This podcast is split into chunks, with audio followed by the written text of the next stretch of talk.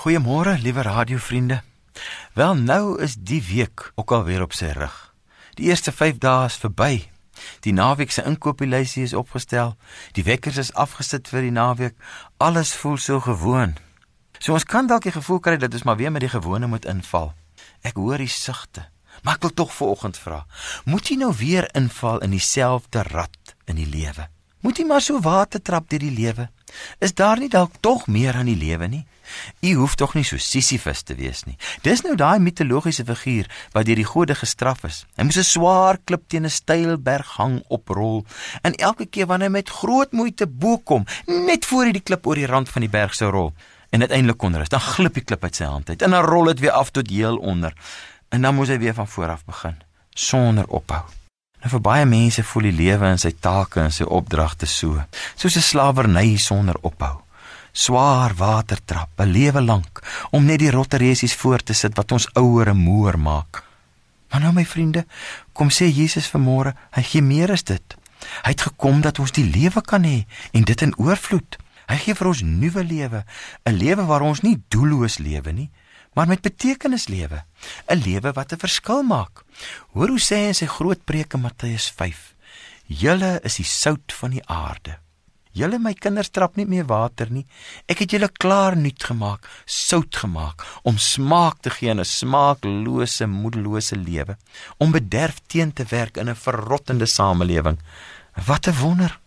God straf nie vir ons om so Sisyphus te vergeefs te arbei nie. Nee, sy gawe is dat ons sout is en lig. Hy sê julle is die lig van die wêreld en 'n stad wat op 'n berg lê, kan nie weggesteek word nie. En onthou, hy het die lig in ons aangesteek. Dis sy lig wat in ons woon en wat uit ons straal.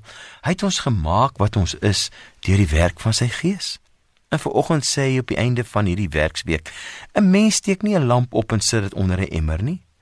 God maak ons staan op die lampstander en hy moedig ons aan. Hy sê: "Gee lig vir almal in my wêreld.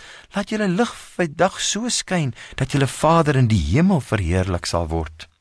En in die verband beloof hy in dieselfde gedeelte sy seën. Hy sê vir ons in Matteus 5 by vers 3: "Geseënd is die wat weet hoe afhanklik hulle van God is, want aan hulle behoort die koninkryk van die hemel.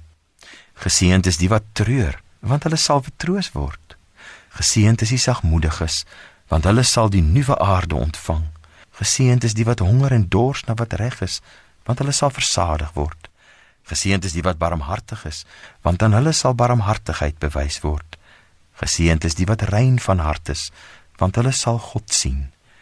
Geseënd is die vredemakers, want hulle sal kinders van God genoem word. Geseënd is die wat vervolg word omdat hulle doen wat reg is, want aan hulle behoort die koninkryk van die hemel. Geseënd is julle wanneer die mense julle ter wille van my beledig en vervolg en valslik al wat sleg is van julle sê. Wees bly en verheug want julle loon is groot in die hemel. En nou vriende, kom ons gaan leef dan nou ook hierdie naweek uit die seënende hand van die Here. Kom ons bid. Dankie Here dat U ons seën en nie straf nie, dat U ons sout en lig gemaak het en ons tot 'n seën vir die wêreld gemaak het. Amen.